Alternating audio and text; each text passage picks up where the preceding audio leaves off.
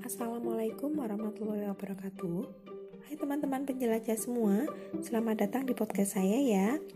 Yang ingin saya share kali ini adalah seperti apa sih karakter buku yang sesuai dengan usia pembacanya? Yuk disimak ya. Perjenjangan buku anak menurut Balai Bahasa Kemdikbud ada tujuh jenjang. Namun secara garis besar kita mengenalnya empat kategori. Apa saja itu? Yang pertama buku bayi Sasarannya anak untuk usia 0 sampai 2 tahun. Ciri-cirinya buku ini lebih dominan ilustrasi, jumlah kata biasanya 0 sampai 1 kata. Bukunya bersifat merangsang sensori motorik dan belum memiliki alur cerita yang jelas serta tidak menggunakan tanda baca.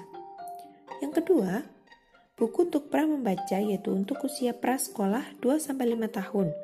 Ciri-cirinya masih dominan ilustrasi 80 sampai 90%, biasanya maksimal 1-2 kalimat. Anaknya belum bisa membaca sendiri bukunya, belum mengerti tanda baca, namun bisa memahami cerita dengan intonasi. Narasinya berisi konsep sederhana dengan tema yang diusung biasanya cerita kehidupan sehari-hari atau fiksi. Biasanya belum memiliki alur cerita yang jelas dan belum mengenalkan dialog. Lanjut yang ketiga, buku untuk pembaca dini, yaitu buku untuk anak usia sekolah dini atau SD awal. Ciri-cirinya, anaknya mulai bisa membaca sendiri bukunya. Ilustrasinya sudah sekitar 70% saja, jadi sudah ada kalimat. Dalam satu halaman biasanya sudah memuat 1-3 kalimat. Sudah memulai memiliki alur cerita sederhana, dan tanda baca yang sederhana pula seperti koma dan titik. Lalu tema yang diusung biasanya cerita kehidupan sehari-hari atau fiksi. Buku yang ketik yang selanjutnya, buku untuk pembaca lancar yaitu biasanya untuk anak usia 8 tahun ke atas. Ciri-cirinya anaknya sudah bisa membaca sendiri bukunya dengan lancar.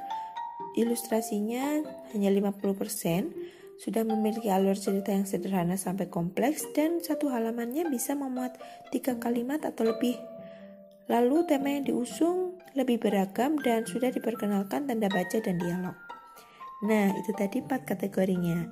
Kategori tersebut tidak baku ya teman-teman, bisa bersifat fleksibel karena setiap anak itu unik dan mempunyai kemampuan baca yang berbeda-beda.